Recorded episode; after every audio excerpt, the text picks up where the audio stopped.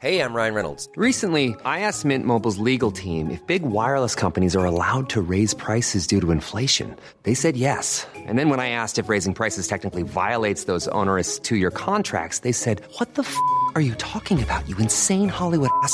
F- So to recap, we're cutting the price of Mint Unlimited from $30 a month to just $15 a month. Give it a try at mintmobile.com slash switch. $45 upfront for three months plus taxes and fees. Promo rate for new customers for limited time. Unlimited more than 40 gigabytes per month. Slows. Full terms at mintmobile.com.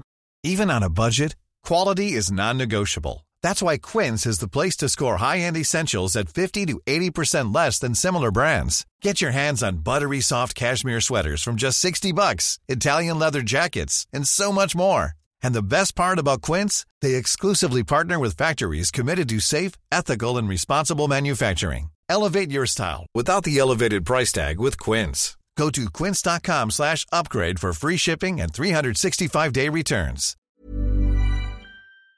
Vi skal videre til eiendom. Vi har fått med oss Anders Langtin fra Privatmegleren. Velkommen til oss. Takk skal det du ha. er jo litt sånn spennende dager nå. for I går fikk vi Obos-tallene for Ja. Oslo, som viste en oppgang på 1,4 Mhm. Og I morgen får vi også fasit på hvordan det har gått i Oslo, men også resten av Norge på boligprisen i august. Hvilke forventninger har du til hva vi har i vente? Nei, Jeg vil nok tro at uh, Oslo-tallene vil nok ligge ganske godt i nærheten av uh, Obos-tallene. Det tror jeg. Men eh, det kan godt hende at Oslo-tallene isolert sett ikke kommer til å være like gode. tror jeg. Eh, man har hatt en periode hvor det har vært et veldig veldig stort ut, utbud eh, av bruktboliger i markedet. Det ser vi jo på kontoret mer og mer. Altså, det er oftere vi nå må ut med en bolig både to og tre ganger før de blir solgt, men det er pga. at utbudet har blitt veldig stort. da. Og det, Så det blir ikke 1,4% opp for Oslo-markedet generelt? sånn Nei, det tror jeg ikke. Jeg tror liksom, Hvis vi klarer å se 1 så tror jeg vi skal være fornøyd. Men jeg, jeg tror det. Men er ikke august alltid en god måned? August pleier å være en god måned, sånn som både òg. Men eh, husk at det, det markedet vårt sparker jo liksom ikke helt i gang før skolen begynner. Eh, ja, det er ni ukers sommerferie, da. Så det er jo ikke så mange som Ni ukers sommerferie, det er meglerne, det. Det er meglerne. Og, ja. De, det er jo lønner seg å holde ferie når resten av Norge holder ferie, kanskje? ja, det er, det er jo en fordel, ja. Altså, hadde jo ikke vært et godt råd fra, fra en megler til å ha sagt at du bør selge boligen din i fellesferien. Det tror jeg ikke. Men August, som Trygve sier, pleier å være en god måned, men er det sånn Og vi hører kollegaer deg si kalle markedet, eiendomsmarkedet vi har nå for et velbalansert marked. og og er du interessert i en bolig, så bør du stille på visning raskt og ha finansieringsbevis i orden. Men, men er det et litt mer spektret bilde? Altså, de gode objektene går fort, men hvordan er de At de gode objektene går fort, og det har de egentlig alltid gjort, men nå er det litt mer den derre eh, det, det er mye mer til salgs. Eh, det som blir en negativ psykologi, da, eh, er at når folk får for mye å velge, så klarer de ikke helt å ta en avgjørelse. Eh, og Det merker vi hele tiden. bare fordi Jeg er litt sånn redd for at kanskje det kommer noe bedre i morgen, selv om det er mye til salgs. Men uh, tallene for Oslo uh, viser jo at det er en omsetningsøkning. Og den, uh, den nyter jo vi godt av, selvfølgelig. Det selges flere boliger. Tilbudssiden er sannsynligvis litt bedre, som du sier. da. At- Tilbudssiden er høyere. Men så er folk engstelige for at da, på ett eller to års sikt så skal tilbudssiden gå ned, da skal prisene gå opp igjen. Liksom. Mm. Man, er redd, ikke, man er ikke redd for noen ting nå, for det er som Line sier, avbalansert eller bra marked eller whatever. Men hvis du ser, sånn, hvis du ser fra 2016, da vi hadde en kjempejojo, opp et par og 20% i 2016, så gikk jo prisene ned i 2017. Eh, Oslo, når vi var ute av året, så var vi ned 11-12% og så er vi jo opp en 8-9% sånn cirka hittil i år. Så prisene er jo strengt tatt standstill fra 2016. Altså, det har jo egentlig ikke skjedd så veldig mye. Men det var ikke så rart, som du sier, altså, prisen var jo opp 23 23 i 2016, ja. ja, ja. Men så gikk de ned, og så har de balansert seg. Så i utgangspunktet så har det ikke skjedd så veldig mye. Men jeg tenker det, det viktigste for alle disse kjøperne og selgerne våre er jo at man opplever at det er en balanse. Altså Når du legger boligen din ut for salg, så får du solgt den. Og så lenge kredittmarkedet og så lenge bankene er med på mellomfinansiering og sånne type ting, så er det et Men kjempe... mar- men markedet er som Melina også inne på, det er sånn, alle sier at det er balansert. Liksom, alle får solgt etter hvert. og sånn, og Kanskje som du sier, må legge inn en visning til, men det er, blir solgt. Det er ikke noe krise noen steder. Og markedet, mange regner med at markedet skal gå kanskje 1 eller 2% i august-september også. Så det, ja. Du er jo et annet marked, helt annet marked. Det er, det, du er- du er sikkert på alle områder da, innen privatmegleren. Men eh, du er også kjent for å selge hele bygårder. Ja. Er det marked for det fortsatt? At folk kjøper en hel bygård med 10 eller 20 eller 30 leiligheter, eller? Ja, det er absolutt. Det er ikke bare Hans Ollefsen som kjøper, er det flere? Nei, du, Ivar Tollefsen eh, har ikke kjøpt så, men Han er jo den største eiendomsbesitteren vi har i landet, men han har jo ikke kjøpt så mye de siste årene. Det har han ikke. Men, men det er det fortsatt stor interesse for. Altså, selv om avkastningen på noe av de vil jo være veldig dårlig. Så, altså, ja, da, hvis du kjøper deg en bygård, og du er ekspert på det for Frogner, og sånn, og så stor bygård med Mm. 10 eller 20 leiligheter, hvilken avkastning krever da egentlig kjøperne? Vi har jo sett avkastning som har ligget til og med under 4 Ja, okay. på nettoen. Vi har det. Men, øh, så, så det varierer jo. Men det, det varierer selvfølgelig i forhold til bydel. Og noen vil akseptere mye lavere avkastningskrav innenfor vestsiden av byen enn kanskje østsiden. Men paradoksalt nok så er jo leieprisene på Frogner da, kontra f.eks. Groruddalen er svimlende liten forskjell. Nesten likt, altså. Det er nesten likt. Eh, Det er godt om- man skal bo på Frogner og ikke leie ut, da, Sine. Nei, men Mange har nok kanskje sett, sett, se på vestsiden som en mer trygg havn, da, hvis noe skulle skje.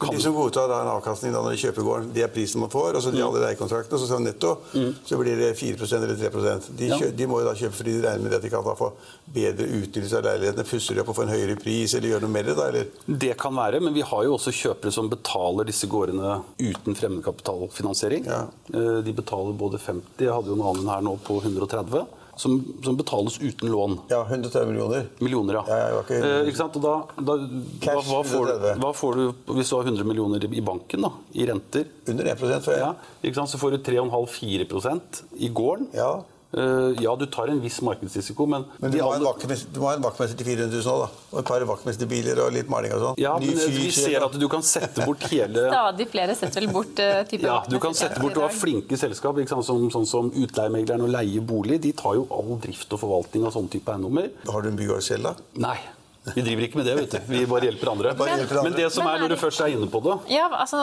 skal du, få, skal du ta den, eller skal jeg? da? Du kan begynne. Er det bygård? Ja, nei, men jeg har hørt at det, at, det er, at det er flere som er interessert i disse bygårdene. Ikke bare private kjøpere, men også Oslo kommune viser Ja. større interesse for leiligheter igjen og er på kjøperen. Men, men det er ikke bare positivt. Nei, altså det det er, eh, Vi har jo denne loven om kommunal forkjøpsrett. Så Det betyr at hvis en boliggård blir solgt, eh, så vil kommunen eller leietagerne de vil ha forkjøpsrett.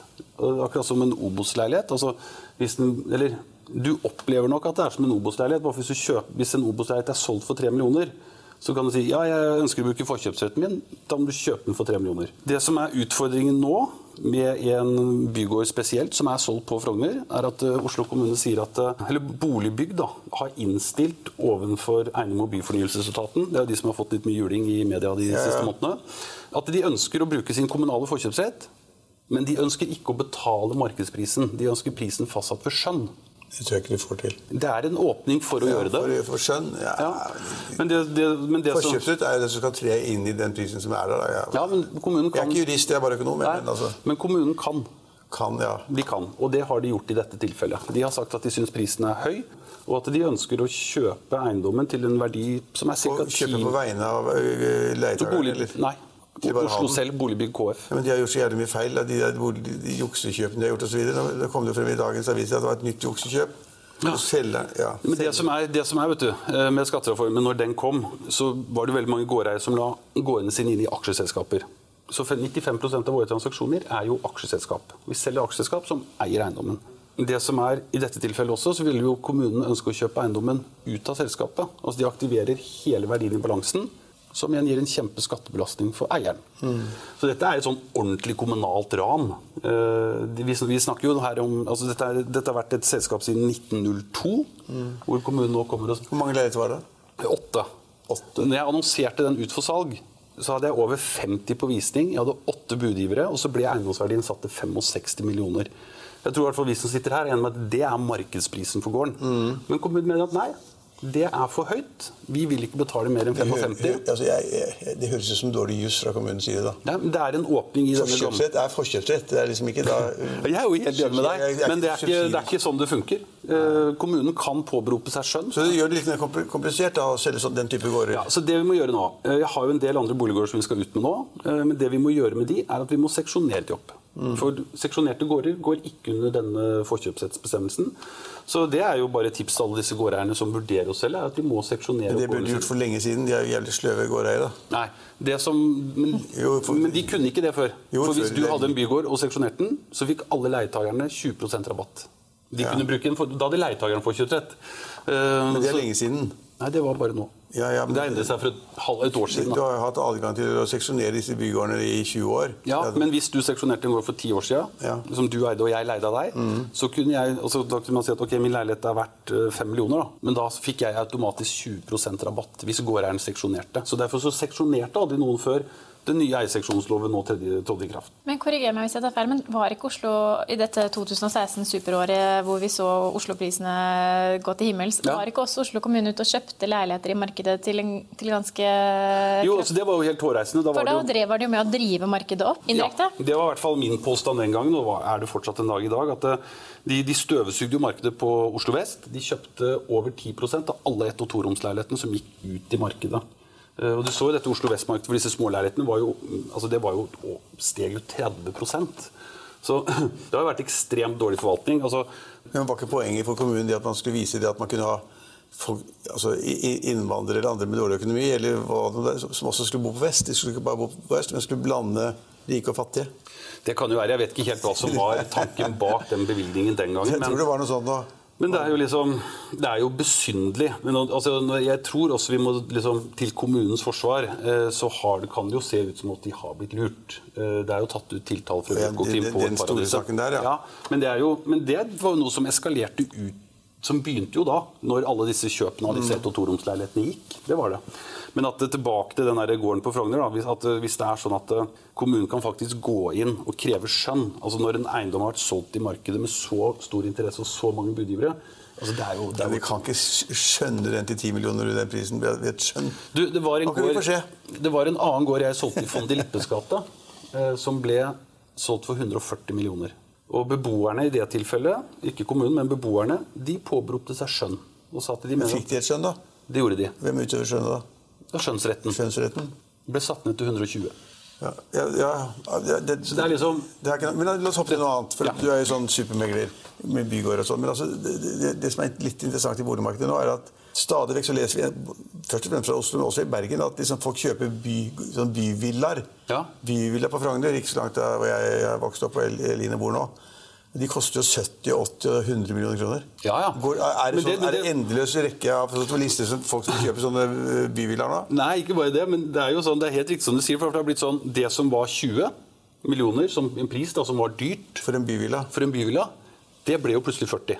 Ja. Og, så har det blitt 5, og så har det plutselig blitt 100. Så hva som skjedde der, det vet jeg ikke. det må du svare på. Altså, hva skjedde mellom 50 og 100 mil? Det er jo helt morsomt.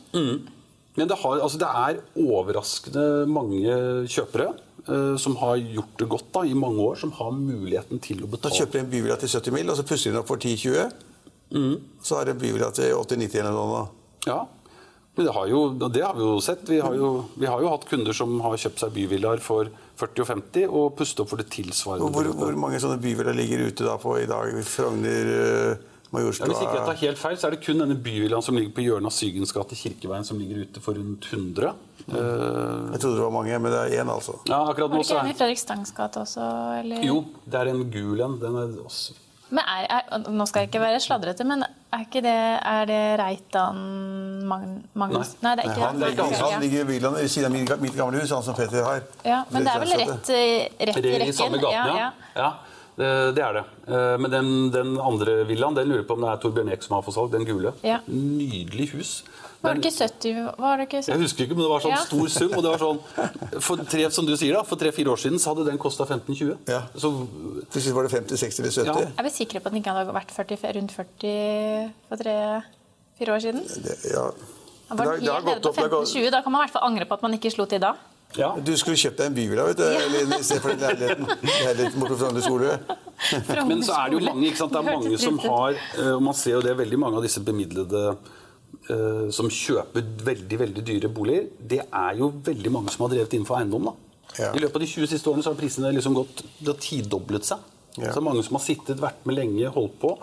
Og så ser du alle, mange som er innenfor eiendom igjen nå. Du ser jo innenfor entreprenørvirksomhet. Altså nå ble det vel uh, solgt en villa på Vinneren, uh, som det var en entreprenør som kjøpte for nesten 50. Så det er, liksom, det er mange som har eh, vært med på dette eiendomskarusellen. da. Ja, så er det mange som har drevet det der eplehageutbyggingen også, da. Det er Ja, det- det jo- vinneren, vinneren, som du, vinneren som du nevner oppover der, Holmenkollen. Der er det bits. Ja, Der du bor òg. Det var jo det så ikke sånn ut før. Nei, nei, det er heldigvis litt lenger opp enn der hvor jeg bor. Ja. Det er veldig mye Det bygges helt vilt. Der. Ja, det er helt utrolig. Ja. Eh, Men sånn siste liksom, punkt på kartet, da, eller punkt på mitt manuskript, så står det i hvert fall at vi skal snakke bitte lite grann om denne hyttesesongen vi går inn i. Vi pleier å snakke om Norefjellhytte med deg. ja. Er du klar? Kan ikke snakke om Nordfjellhytte nå. Det- Nei, det er for tidlig. Det er for tidlig. Er det for tidlig å snakke om Nei, høsthytter? du, det er det absolutt ikke. og Det er bra du tar opp. For før så har vi opplevd at hyttemarkedet sparker for så vidt i gang når vi kommer til høstferien.